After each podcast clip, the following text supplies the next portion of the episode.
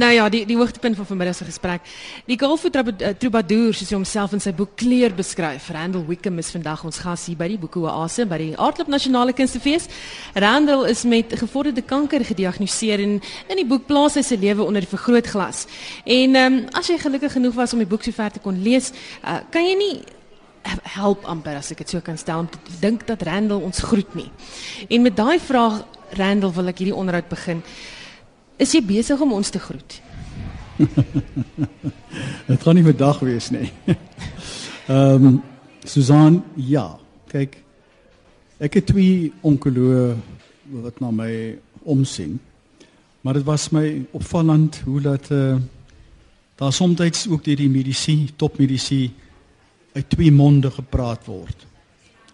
Na ek het dit nou heeltemal verwerk het, ek het kanker.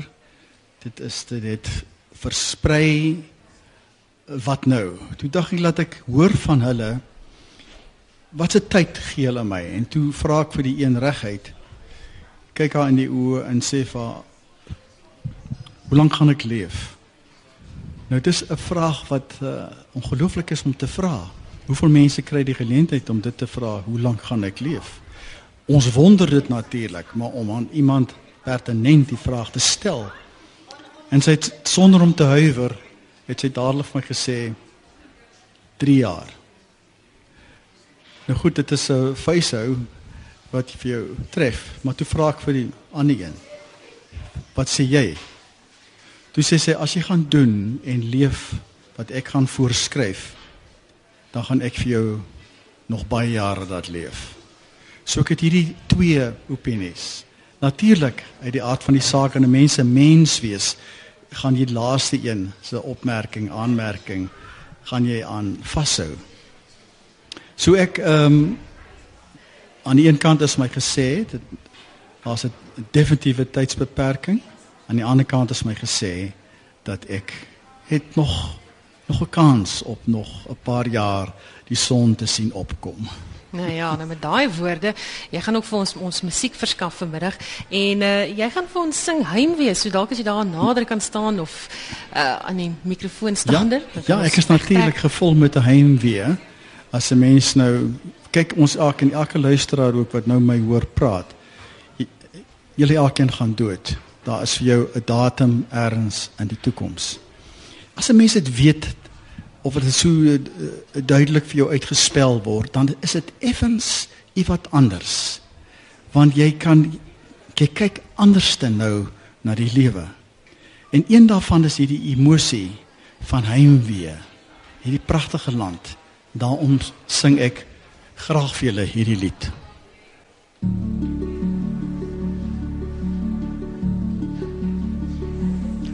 My hart verlang die stilte van die weë wybende veld. Ver van die stad geluide en die klinkende klank van geld.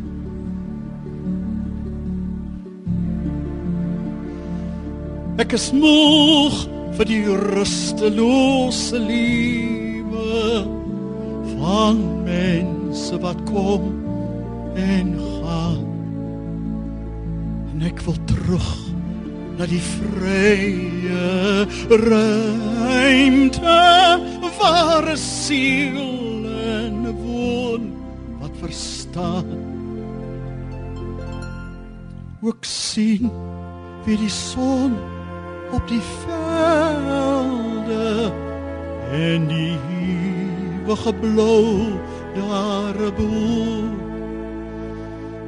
en my hart skiet vol van wie en my drome swem in my oë en my hart skiet vol van wie en my drome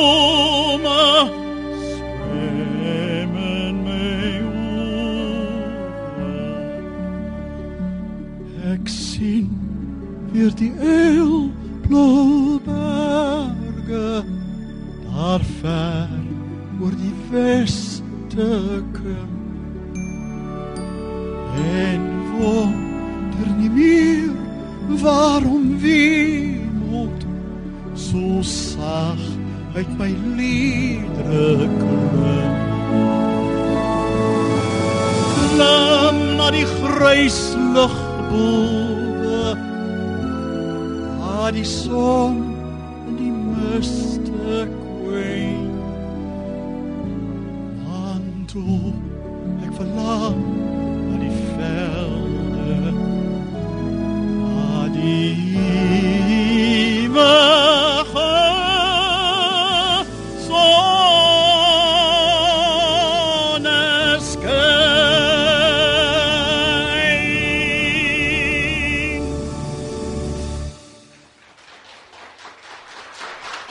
Pragtig, so. Randall kom sit weer. Randall Wickham wat vir ons daai lied Heimwee gesing het. Ja, jy sê jy voel heimwee. Randall in die boek Kleur sê jy jy's op soek na jouself. Hoekom na al die jare nou eers soek na jouself?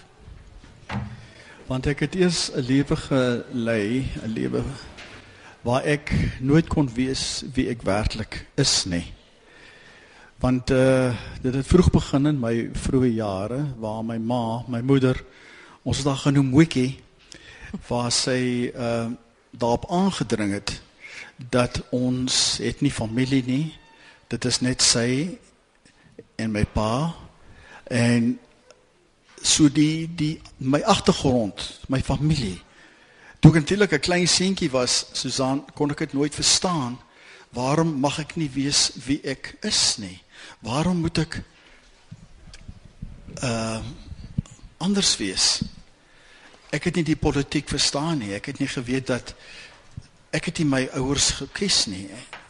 Ek het nie besef dat uh, ek onaanvaarbaar is vir die wit regime nie. Toe ek groter word, was dit nog nog steeds my skok. Ek lyk dan soos ander mense. Wat maak my my anders?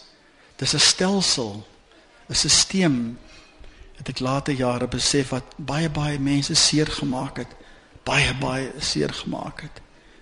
Mense het hulle eie lewens geneem soms as gevolg van hierdie stelsel. Kan ek jou daar in die rede val jy praat daarvan jouself het amper selfmoord gepleeg as gevolg daarvan? Ja, dit, dit was een oggend in uh in die 80er jare.